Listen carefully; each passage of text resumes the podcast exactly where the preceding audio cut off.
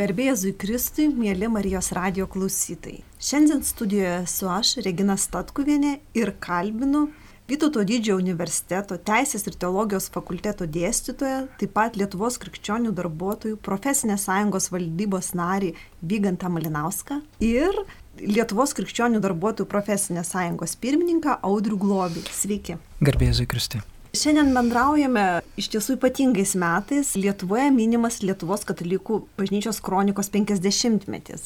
Ir vyresnė karta turbūt labai gerai prisimena, kai nepriklausomybės laisvės siekis buvo labai susijęs su religijos laisvės siekiu, kai Lietuva laisvė ir tikėjimo laisvė buvo sinonimai. Ir šiandien mes gyvename tarsi laisvoje nepriklausomoje valstybėje Tačiau iš vakarų vis dažniau sužinome įvairių nerimą keliančių žinių, būtent, kad tos laisvės šalis, į kurias mes norėdavom tą žinią išnešti kažkada prieš 50 metų, kaip čia tikėjimas persikiojimas, dabar ten krikščionys susiduria su tam tikrais iššūkiais. Ir turbūt labiausiai matomi įvykiai Suomijoje, kai teisiama buvusi politikė, taip pat evangelikų liuteronų viskupas tiesiog už Biblijos citatas. Ponas Malinauskai, sakykit, kas čia per procesai, kaip jūs juos įvardintumėt? Na, iš tiesų tie procesai, jie yra kompleksiniai ir nepaprasti, sunku taip keliais sakiniais juos apibriežti, bet galima turbūt būtų pasakyti štai ką, kad vis tik tai vakarai irgi sparčiai keičiasi. Ir ta pati, sakykime, vakarų Europa ar vakarų pasaulis, kuris buvo 1990 metais, jisai dabar yra gan drastiškai pasikeitęs. Per tą laiką atsirado naujų teisės normų, įsitvirtino naujos ideologijos, Ir taip, religija atsirado naujas spaudimas, kurio dar, sakykime, nebuvo tais laikais, kai vat, mes sąidžio laikais jau galvojom, atrodė, kad viskas iškovojam laisvę, dabar jau būsime laisvi ir mūsų tos laisvės nieks nepajudins, bet paaiškėjo, kad iš tiesų už laisvę turi kiekvieną dieną kovoti ir kiekvieną kartą turi iš naujo apsispręsti už tai, kas yra laisvė. Ir šiandien mes stebim tokių nerimo keliančių ženklų, kai žmogus tiesiog, kaip jūs paminėjot, beje, jinai ir tebėra Suomijos politikė, nėra buvusi. Buvusi ministrė, atsiprašau. Taip, taip, tai kai žmogus tiesiog pacituoja šventą raštą, kuris yra na, mūsų civilizacijos pamatas, iš kurio kylančių vertybių buvo ir sukurta vakarų civilizacija ir jis tampa teisinio persikėjimo objektu. Ir priežastis yra ta, kad, vėlgi minėjau, daug yra priežasčių, bet viena iš priežasčių, aš manau, yra ta, kad dėja pas mus vakaruose kai kurie ideologiniai interesai buvo paversti teisėmis. Ir štai mes susidurėme su visiškai naujomis teisėmis ir staiga pasirodo, kad anksčiau, kai būdavo normali tikėjimo ar religijos laisvė, dabar jin tampa kažkieno teisės pažeidimu. Tai manau, čia viena iš priežasčių. Ne vienintelė, bet viena. Sakyt, aš girdėjau komentarą, kai didžiojoje medijoje pasirodė pranešimai apie įvykius Suomijoje, būtent tai daugelis žmonių, kurie kaip ir save pozicionuoja kaip žmogus teisų gynėjai, sakė, kad tai viskas normalu, kadangi religija yra privatus reikalas. Nors kai mes kovojom už laisvę, kai atgavom nepriklausomybę, religija mums buvo absoliučiai su valstybingumu susijęs dalykas. Kas čia per transformaciją vyksta, kokie čia pokyčiai? Šita transformacija iš tikrųjų vyksta turbūt vakarų pasaulyje kelius šimtus metų ir jeigu turime grįžti atgal į 17 amžių, kai atsirado taip vadinamas apšvietos judėjimas, jo viena iš tikslų buvo išstumti religiją iš būtent viešo gyvenimo arba religiją padaryti mažiau svarbi ir jos vietą pastatyti, kaip tuo metu jie labai optimistiškai tikėjosi protą. Ir buvo tas, sakykime, manoma, kad viešajam gyvenime galima vadovautis vien tik tai žmogaus protu, o tokie dalykai, kurie ateina iš, sakykime, iš religijos, iš tikėjimo, yra nesvarbus ir ne tik nesvarbus, bet jie net irgi kelia iššūkį arba trukdo įtvirtinti proto viešpatavimą ir na, labai trumpai čia tik tai galima istoriškai paminėti, kulminacija apšvietos buvo prancūzų didžioji revoliucija, kuri skelbė laisvę, lygybę, brolybę, bet jinai baigėsi teroru, kai buvo masiškai giliotinuojami žmonės, didelė dalis dvasininkų, šiaip tikinčių žmonių, kurie neįsižadėjo tikėjimo, tiesiog buvo jiems nukirzdintos galvos. Aš atsiprašau, turbūt pirmą kartą Europos istorijoje iš vis tokio masto teroras buvo, kai buvo ne karas, o valstybės viduje vykdomas toks ideologinis, sakykim, susidorojimas. Taip, prancūzai beje to labai nemėgsta ir jie, nes jie ir švenčia šitą Bastilijos ar nepaėmimo dieną yra jų nacionalinė šventė, bet iš esmės istorikai sako, kad pirmas genocidas Europoje prasidėjo būtent per prancūzų didžiąją revoliuciją. Ir tik tai ką noriu pasakyti, kad Prancūzų didžioji revoliucija yra pavyzdys, kas atsitinka, kai išsižadama religijos. Visuomenė pasirodo negali gyventi be religijos ir jin tada tą turi pakeisti tikrą religiją, kažkokią pseudo religiją. Prancūzų didžiosios revoliucijos metu buvo bandoma įvesti proto kultą ir buvo netgi ten sugalvotos apygos atliekamos ir taip toliau, bet tas galiausiai išvirto ir į proto karikatūrą. Sakykit, ponas Globi, Lietuvoje jūs, jūs kalbinu kaip Lietuvos krikščionių darbuotojų profesinės sąjungos pirmininką. Ir sakykit, kas atsitiko, kad darbuotojai pradėjo jungtis jau nebe profesinių pagrindų, kaip kad buvo įprasta ginti savo teisės vienokias ar kitokias, bet būtent konfesinių. Tai aš suprantu, jūsų profesinė sąjunga vienyje įvairiaus išsilavinimo, įvairių veiklų žmonės, tačiau jie yra krikščionys. Kodėl atsirado toks poreikis? Tai čia tos pačios tendencijos, apie kurias ir Vygantas kalbėjo, jų ateimas į Lietuvą, aišku, jis kol kas yra šiuo metu dar minkštesnis, nes spaudimas prasideda ypatingai tada, kada tie interesai, apie kuriuos Vatvygantas kalbėjo, jie tampa teisėmis, nes automatiškai tam tikrų teisų atsiradimas reikalauja tam tikros pareigos. Ir ta pareiga iššaukia tam tikrų žmonių laisvių ribojimą. Tai teisės, nu, jos neatsiranda kažkur tai beribėje erdvėje. Teisės automatiškai riboja tam tikras laisvės ir jeigu jos yra prigimtinės, kylančios iš žmogaus prigimties, žmogus mato, kad tai yra tikrai dėl jo ir visuomenės bendrojo gėrio, jis natūraliai pažindamas savo prigimtį gali jų atsisakyti.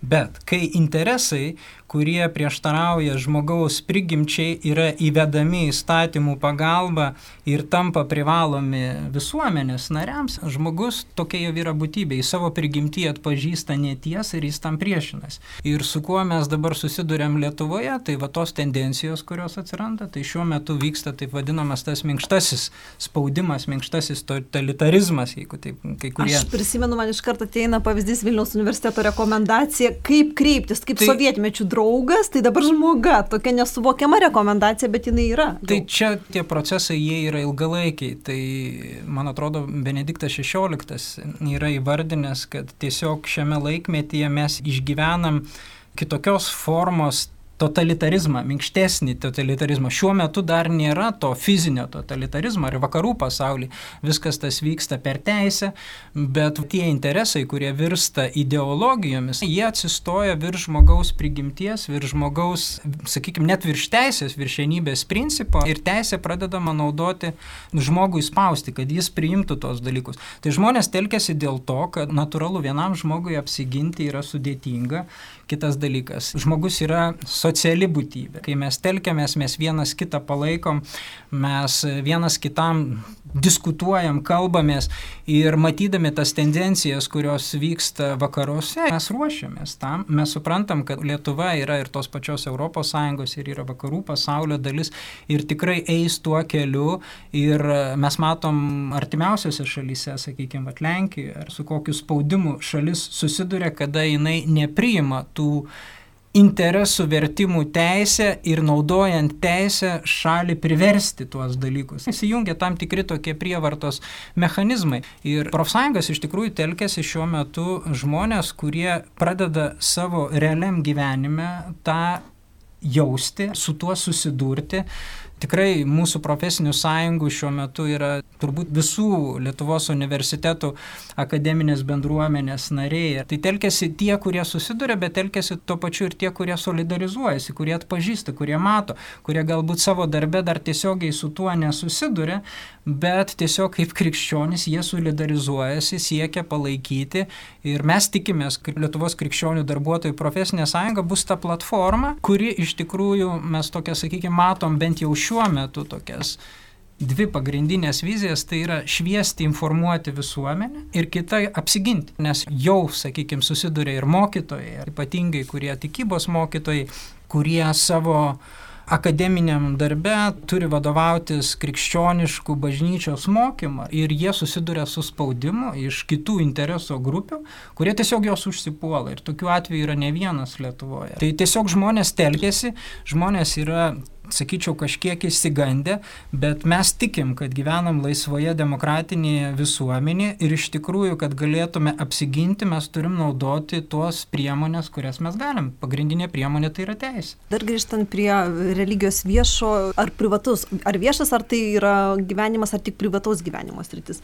Grįžkim Lietuvos istoriją. LDK buvo daugiau kultūrė, daugia tautė valstybė ir galbūt iš tiesų kiekvieno tas religinis praktikavimas, turėjom ir musulmonų bendruomenę, ir krikščionių įvairių, ir katalikai, ir protestantai, ir galbūt vakaruose, kai yra daugybė dabar islamo bendruomenių, tie patys krikščioniai, daugybė netikinčių žmonių, gal iš tiesų tai yra palikim tą privačiam gyvenimui ir tuo baigsis. Ar vis dėlto yra pavojus? Manau, kad jis tikrai yra, bet e, man atrodo, kad čia vienas toks svarbus dalykas yra, nuo ko reikėtų pradėti kalbėti, tai kas tai yra religija. Mes labai dažnai dabar išgirstam net ir iš mūsų krikščionių bendruomenės, kad krikščionybė yra viena, pavyzdžiui, iš ideologijų kultūra.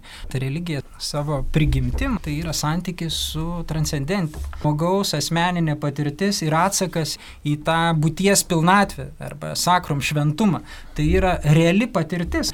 Ir žmogus savyje, kadangi jis, mes, krikščionys, tikim, kad žmogus yra sukurtas pagal Dievo paveikslą, žmogus negali savo gyvenime atskirti, savo primačiam gyvenime gyventi remiantis vienais principais, o savo darbe, visuomeninėje veikloje, pasaulyje atskirti ir elgtis kitaip tarybiniais laikais. Ta buvo siekiama. Žmogus, prašom, tikėkit, savo namuose, melskitės, bet mokykloje, viešoje erdvėje, savo darbė jūs tiesiog privalot vadovautis tais principais, kurie yra priimtini mūsų visuomenė. Ir nerima kelia tai, kad iš tikrųjų dabar tais pačiais metodais, tik tai kitaip, kol kas dar tai yra taip įvardinamas minkštasis totalitarizmas, bet tas spaudimas su kiekvienais metais vis labiau didėja ir tie procesai kelia didžiulį nerimą. Ir man atrodo, pagrindinė kokia problema yra? Pagrindinė problema yra galbūt net ir tai, kad vakarų visuomenė iš tikrųjų sekuliarėja. Ir sekuliarėja visuomenėje religijos laisvė,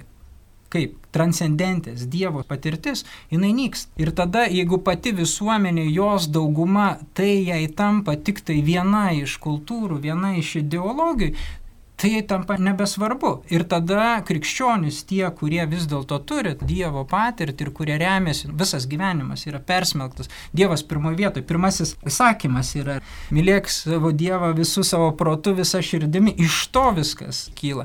Tai jie iš tikrųjų susiduria su tais iššūkiais, nes jie yra išstumiami įstatymais už įstatymo ribų. Jie privačiam gyvenime tarsi gali vadovautis, bet viešajam gyvenime tie klausimai, kurie liečia viešai gyvenimą, jie jau nebegali vadovauti. Panas Malinauskai, gal jūs dar, iš tiesų, gal aš vis tiek dar grįšiu prie tos minties, kad Europa keičiasi ir Europa iš tiesų didelės jau nekrikščioniškos bendruomenės arba labai daug sekuliarių žmonių. Ir jam galbūt tai ir yra vienintelė sambuvio forma, kai religija lieka privataus gyvenimo stritimi. Ar vis dėlto ta tendencija reikštų ir Europos kaip po tokios išaugusios ant krikščioniškų pamatų, ant antikos pamatų pasikeitimą kažkuo kitu? Aš manau, kad taip.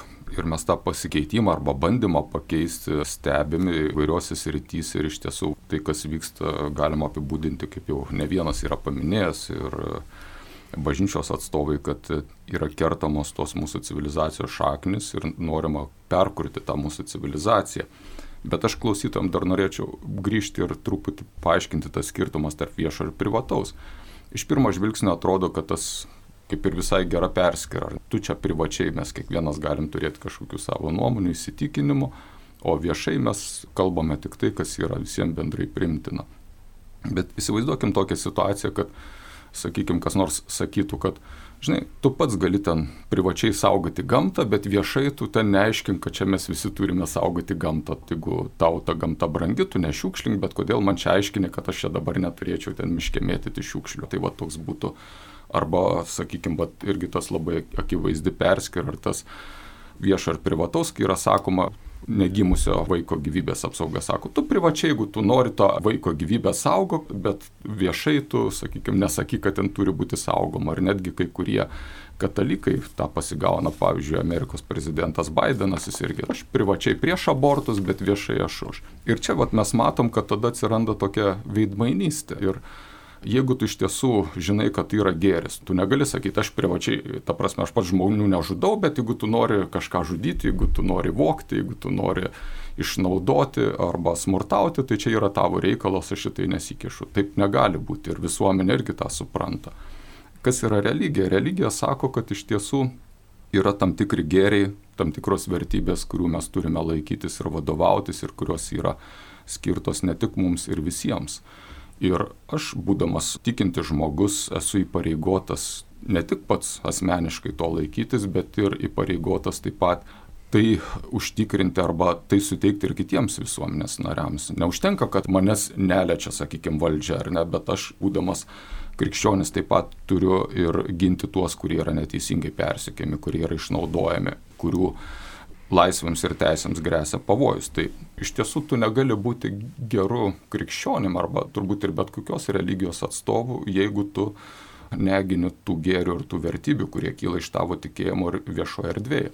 Ir čia tik tai būtų galima dar priminti, kad pati religijos laisvė, jinai yra apibrėžiama būtent ne tik kaip privati, Ir jeigu žiūrėtumėm ar atsiverstumėm visuotinę žmogaus teisų deklaraciją, kuri buvo ta paradigminė religijos laisvės samprata įtvirtinta, tai pamatysim, kad jinai yra apibriešta daug plačiau net negu kitos. Ir ten yra pabrėžiama, kad kiekvienas turi teisę į religijos ir sąžinės laisvę. Ir toliau yra paaiškinama, ką ta laisvė apima. Jin apima būtent praktikuoti tikėjimą tiek privačiai, tiek viešai, tiek vienam, tiek kartu su kitais, jį išpažinti, mokyti, atlikti apėgas Kitaip tariant, tie, kurie rašė visuotinę žmogaus teisų deklaraciją, puikiai suprato, kad religijos prigimtis yra tokia, kad ten turi būti vieša, jinai negali būti tik privati. Ir čia galbūt istorikai labiau žino, kartais žmonės pamiršta, kad Europa kaip tokia ant krikščionybės susiformavo ne tik religija, ne tik vertybinis pagrindas, bet mūsų ta santvarka, sankloda visuomenės, kaip mes gyvenam, pradedant rūpybą neįgaliaisiais, socialiai pažeidžiamais. Juk tai katalikų bažnyčia atnešė visus tuos supratimą, kad reikia našlaičiais pasirūpinti, kad gydimas visiems turi būti prieinamas kokių gėrių mes atsisakytume arba kokie gėriai yra iš tiesų būtent krikščioniškos valstybės gėriai, kurie būtent tikėjimą suformavo ir jie dabar kasdieninė mūsų gyvenime kartais mes net nesuvokiam, kad tai yra krikščionybės atnešti dalykai. Tai čia turbūt yra tas svarbu ir dabar, kas vyksta mūsų visuomenėje, tai bandymas atskirti tikėjimo nuo moralės toks tas vis, visur einantis tam tikras toks dualumas. Tai būtent e, krikščioniškos civilizacijos vieni iš tokių pagrindų, pamatų buvo būtent moralinis tam tikros nuostatos, kurios leido tai visuomeniai, tai civilizacijai kitų religijų ir kitų visuomenių aplinkoje būtent taip vystytis, kad žmonės savyje turėtų tas, pavyzdžiui, darybės, kardinalės darybės, kurias perėmė krikščionybė dar iš antikos ir jas išplėtojo ir kad e, būtent krikščionybėje atsirado teologinės darybės - tikėjimas, viltis ir meilė. Žmogus pats plėtoja savo darybės ir gauna Dievo malonę. Ir tai yra žmogaus ir Dievos tam tikras santykis plėtojant. Ir va toj visoje aplinkoje, toj moralinėje aplinkoje, ta civilizacija ir plėtojas. Dabar tas taip vadinamas moralinis relativizmas sako atskirkim. Kiekvienas gali turėti savo tam tikrą. Taip, iš tikrųjų, galbūt gali turėti. Bet jeigu krikščionis tiki tuo ir jis galvoja, kad visuomeniai tokios moralinės nuostatos iš savo istorinės patirties, iš savo asmeninės patirties, jos yra geros, krikščionis privalo apie tai kalbėti, jis privalo tai sakyti, jis privalo to siekti, nes tai yra tam tikras gėris, kurį jis nori ne tik tai savo asmeniniam lygmenį, bet kurio jis nori ir visuomeniniam lygmenį. Plus tėvai savo net ir mūsų įstatymai ir konstitucija garantuoja tėvams teisę ugdyti vaikus pagal savo religinius įsitikinimus, pagal savo vertybinės nuostatas. Ir tėvai nėra 24 valandas su savo vaikais. Ir jeigu visuomenėje kitos moralinės nuostatos, kiti interesai perima viršų ir vaikai praleisdami mokykloje didelę dalį savo laiko ir jiems per ugdymo programas yra dėgiamos kitokios nuostatos, Plus, jeigu tėvai faktiškai praranda savo, lieka pareiga rūpintis vaikais, bet jie praranda pareigą ir teisės juos ugdyti. Čia pradeda formuotis tam tikri tokie konfliktai. Ir krikščionis, ir bandoma šiandien, sakykime, kas vyksta, krikščionis tarsi nuištumti. Ir tarsi krikščionis turėtų savyje jausti tam tikrą tokią graužatę. Jie nėra tolerantiški, apie, apie ką kalbėjo ir kardinolas Parolinas, kad jų tie įsitikinimai, jų moralinės nuostatos, jų patirtis, kuri yra, jie tarsi turėtų jausti dėl to tam tikrą graužatį, nes jie yra netolerantiški. Bet jie to tiki, tai yra jų gyvenimo pagrindas.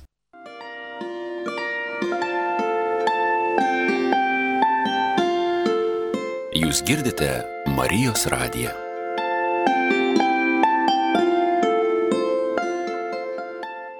Mes dažnai kalbam apie savokas teisės, pareigos, laisvės. Ir iš tiesų, kuo skiriasi tas, ką mes turim šiuo metu, religijos laisvę ar teisė į religiją, ponas Malinauskai, kaip tuos apibrėžimus suprast ir iš tiesų, nes dažnai žmonės gina žmogaus teisės ir sako, religija turi likti privačiame gyvenime, nes mano teisė yra. Ir tos savokos yra turbūt svarbios, kalbantis, kad susikalbėtume. Taip, jos iš tiesų yra labai svarbios ir stebėtina, kad taip mažai kreipiamos dėmesys į skirtumą tarp teisų ir laisvių, nes, pavyzdžiui, mūsų konstitucijos 18 straipsnis sako, žmogaus teisės ir laisvės yra prigimtinės arba yra Europos žmogaus teisų ir pagrindinių laisvų apsaugos konvencija. Ir kai skaitom tekstą, matom, vienur yra vartojama teisų savoka, kitur vartojama laisvų savoka. Religijos yra laisvė, nėra teisė. Skirtumas, jeigu labai trumpai būtų toksai, kad teisė jinai visada sukuria kažkam kitam pareigą tenkinti mano reikalavimą kylant iš tos teisės. Pavyzdžiui, tarkim, nusavybės teisė, jinai sukuria kitiem reikalavimą be mano leidimo neliesti mano nusavybės, iš manęs jos nepaimti.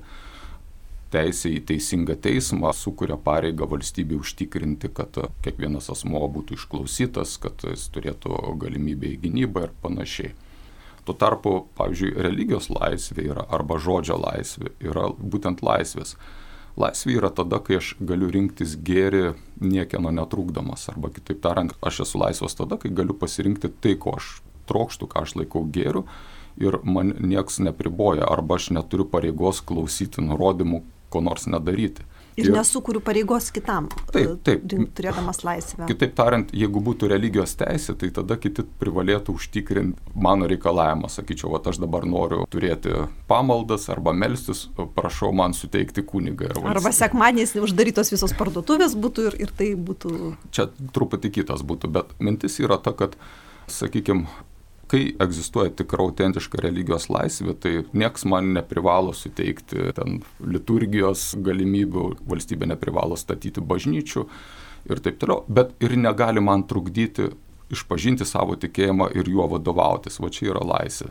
Ir tas skirtumas, kodėl jis yra svarbus, nes teisės ir laisvės jos taip pat egzistuoja kaip tam tikri, sakykime, susisiekiantys indai arba kaip atvirkščiai proporcingi dydžiai.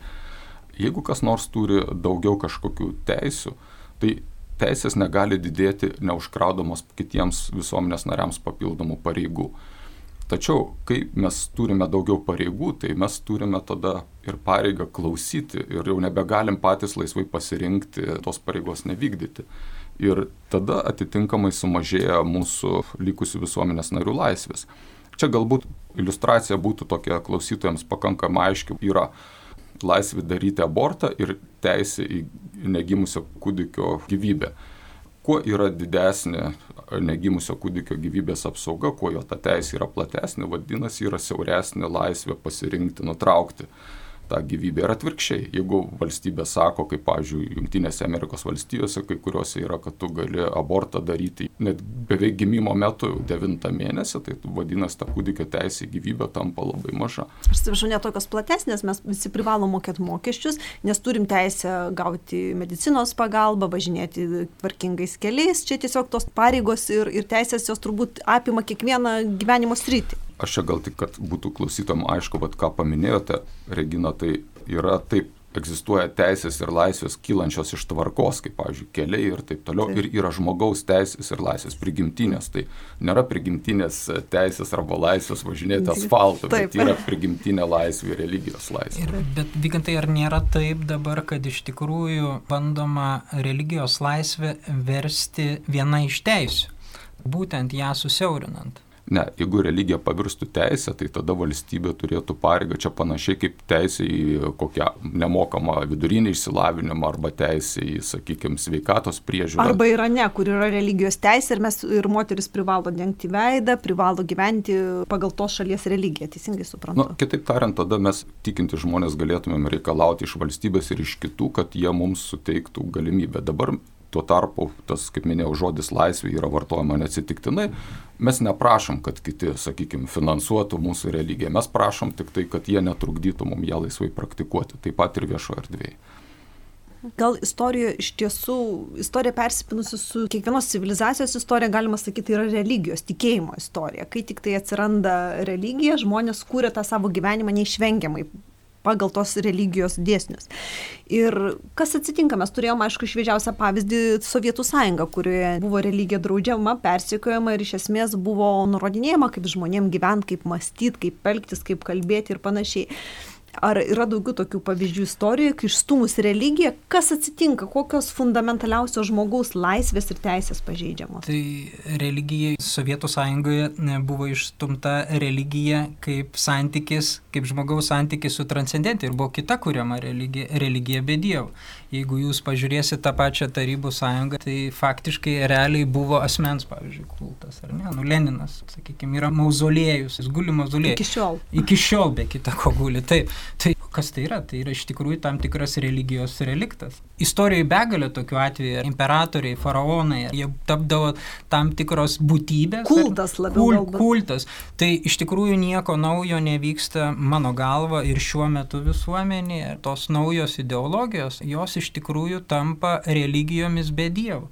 Jos naudoja tuos pačius principus, bet mes kaip krikščionis, mūsų santykis su tuo yra su švenčiausia trejybė, su Jėzaus asmeniu. Tai iš tikrųjų, va tose religijose, kabutėse religijose, kurios yra dabar kūriamos, žmogaus santykis yra su savo ego su aš. Ir kadangi tai netitinka prigimtinės tvarkos, per tai yra įnešamas chaosas. Dėl ko krikščioniška civilizacija suklestėjo? Dėl to, kad žmogus per santykių su Dievu atpažino tam tikrus principus, kurie egzistuoja tikrovėje ir tuos principus perkelia į savo gyvenimą ir stengiasi gyventi pagal tos principus ir vadovaujantis tais principais, moraliniais principais, įstatymo principais, civilizacija suklestėjo, nes žmogus labiausiai tada gali atsiskleisti kaip Dievo paveikslas. Šiuo metu yra neigiamas Dievas ir žmogus kūrė savo principus, išplaukiančius iš santykio su savimi, su savo ego, tą, ką jis mato ir ką jis įneša iš tikrųjų ir ką mes matom dabartinėse visuomenėse, netvarka iškrypimą iš tos tvarkos, chaosą, susipriešinimą. Vat kas vyksta dabartinėse ir vakarų pasaulyje. Aš tikrai vat, visiškai nesenai perskaičiau straipsnį ir buvau nustebęs, kad Junktinės Amerikos valstijos, kurios pastatytos ant demokratijos pagrindų, šiuo metu susipriešinimas yra toks didžiulis, kad beveik didžioji dalis visuomenės galvoja, kad pilietinis karas yra įmanomas. Junktinėse Amerikos valstijose, apklausos gyventojų. Tai rodo, kad iš tikrųjų žmonės jau yra pasiekę tam tikrą ribą, kada iš jų yra reikalaujami dalykai, kurie prieštarauja jų prigimčiai.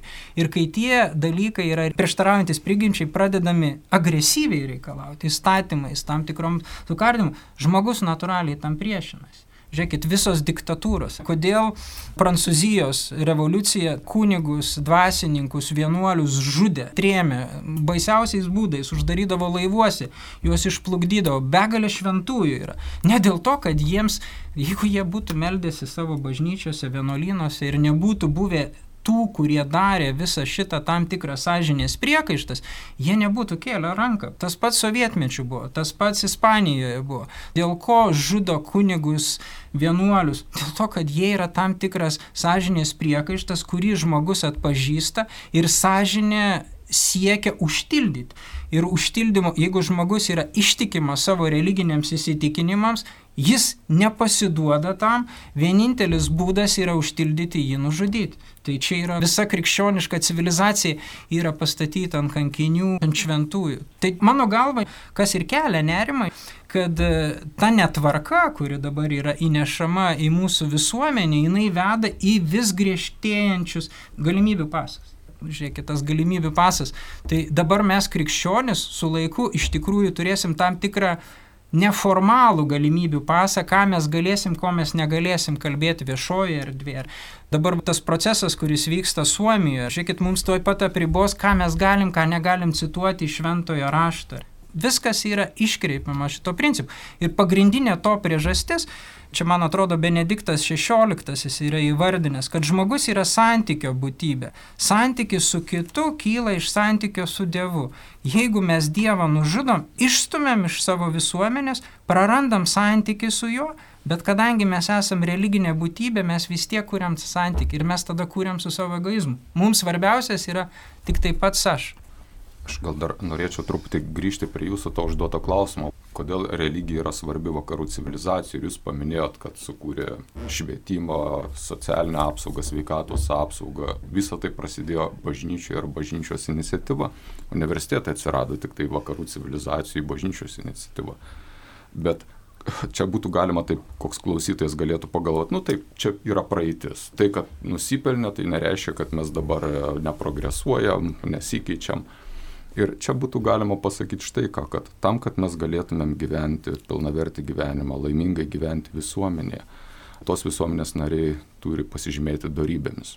Kitaip tariant, tu negali gyventi tokiam mieste ar tokioje šalyje, kur žmonės vieni kitų negerbė, nesilaiko žodžio, yra neištikimi, tarkim, ir panašiai. Ir čia yra pagrindinis religijos vaidmo, jau Audrius minėjo, kad iš tiesų ką duoda religija visuomeniai, tai duoda žmonių darybės, palaiko tą dorovę.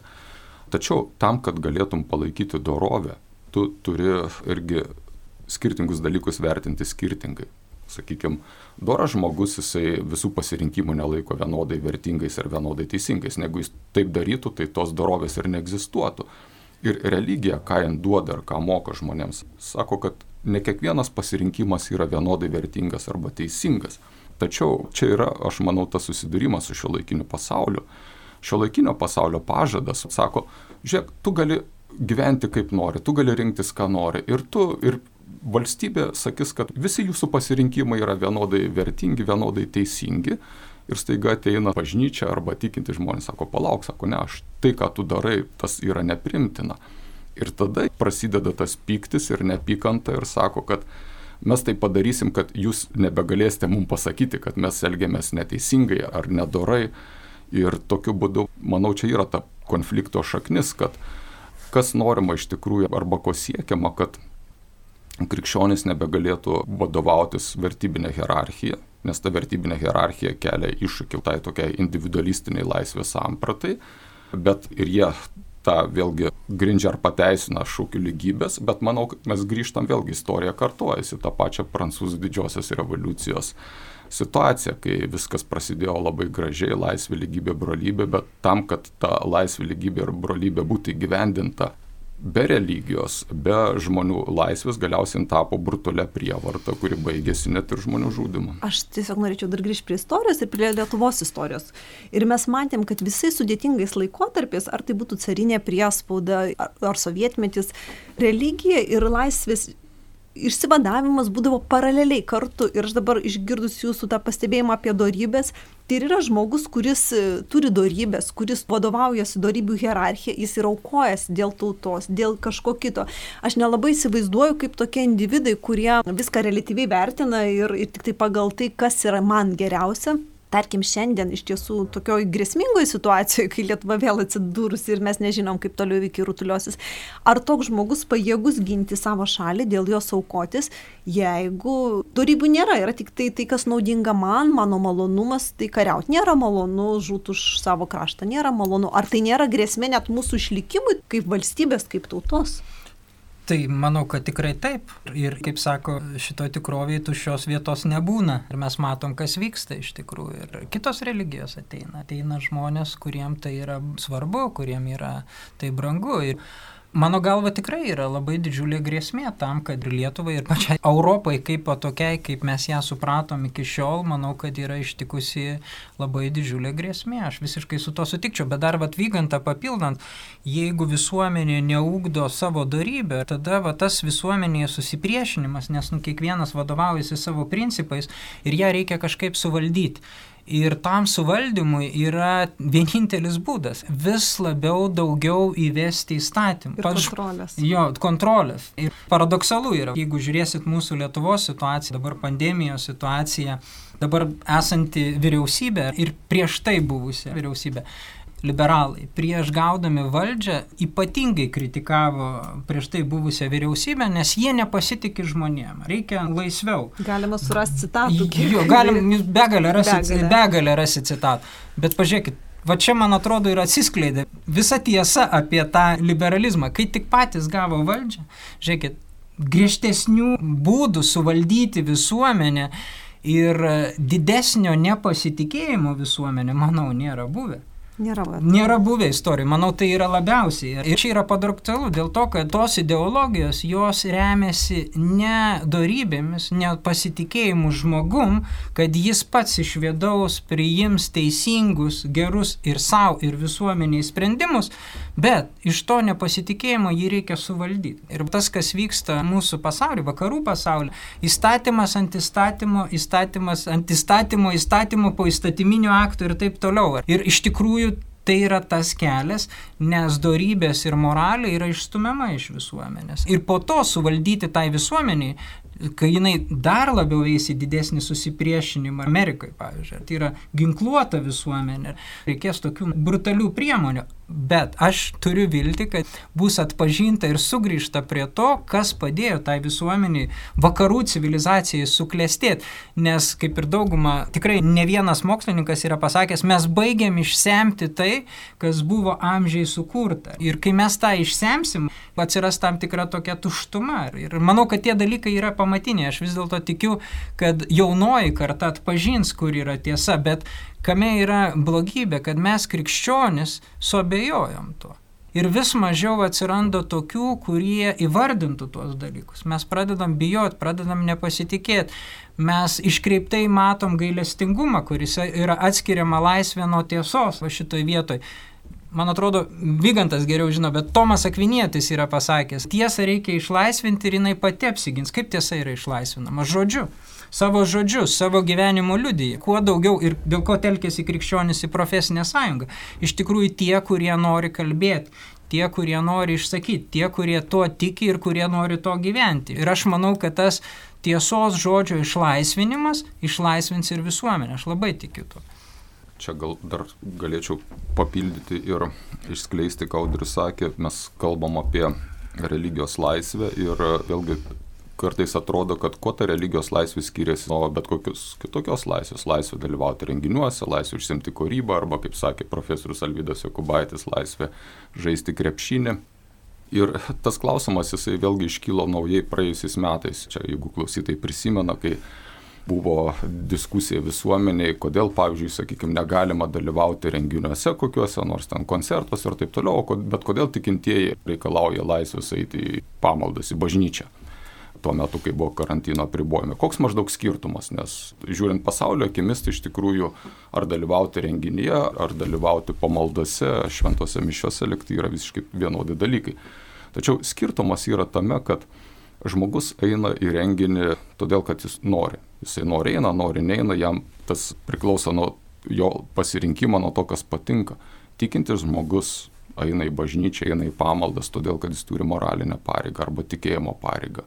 Čia lygiai panašiai būtų irgi tu dalyvauji, sakykime, savo tėvų laidotuvėse arba savo vaikų vestuvėse ne todėl, kad tau patinka, bet todėl, kad tu turi pareigą. Ir šitoj vietoj visuomenė supranta ir netgi per griežčiausius pandemijos apribojimus vis tiek buvo leista susiburti tais atvejais, kada yra tokia moralinė Vygantai, pareiga. Truputį pertrauksiu, buvo būtent ta moralinė pareiga, tarkim, atsisveikinti su mirštančiu, turbūt pirmą kartą žmonijos istorijoje jinai, ta teisė buvo suspenduota ir daugybė žmonių taip ir nesisveikino su savo mirštančiais tėvais, išėjo negavę tikinti paskutinio patepimo sakramento, tai buvo, manau, peržengta tam tikra riba iš tiesų. Taip, bet mintis yra Pavyzdžiui, taip, ligoninėse daug mirė žmonių be artimųjų ir be sakramentų, bet aš gal turėjau labiau omeny tas vat laidotuvių, kad nu, vis tiek jau pačiu didžiausiu ten buvo, aišku, ten buvo pribota, ten Skaičiai. skaičius, laikas ir iš mano taip pat giminiai buvo tokių laidotuvių. Bet tik tai norėjau pasakyti, kad valstybė visiškai nedrįso uždrausti šitų dalykų, todėl kad tai yra moralinė pareiga.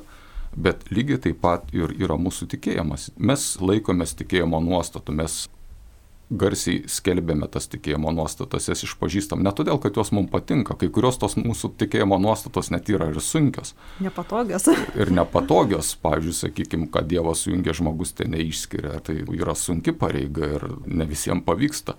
Bet mes to laikomės todėl, kad mes turime moralinę pareigą. Ir čia norėčiau prisiminti popiežių Joną Paulio II, kuris irgi yra daug kalbėjęs apie laisvę ir jo vienas iš pasakymų buvo, kad tikroji laisvė yra tada, kai tu esi laisvas įvykdyti moralinę pareigą. Ir čia yra vieta arba tas rytis, kurioje, manau, šiandien ir kyla didžiausias pavojus mūsų tikrai laisvė. Nes šio laikinė valstybė, kuria vis labiau yra okupuojama įvairių ideologijų, nori atimti iš mūsų laisvę vykdyti mūsų moralinės pareigas. Priversti mus prisidėti prie to, ką mes laikom moraliniu blogiu, arba neleisti mums pasirinkti to, ką mes laikome gėriu. Ne todėl, kad mums taip smagu ar taip toliau, bet todėl, kad mes žinom, kad tai yra tiesa. Dėkoju už malonų pokalbį, viliuosi klausytėms buvo prasminga ir naudinga pasiklausyti. Šiandien su mumis buvo studijoje Vytauto didžiojo universiteto Teisės ir teologijos fakulteto dėstytojas daktaras Vygantas Malinauskas ir Lietuvos krikščionių darbuotojų profesinės sąjungos pirmininkas Audrius Globys. Sudė. Sudė. Sudė.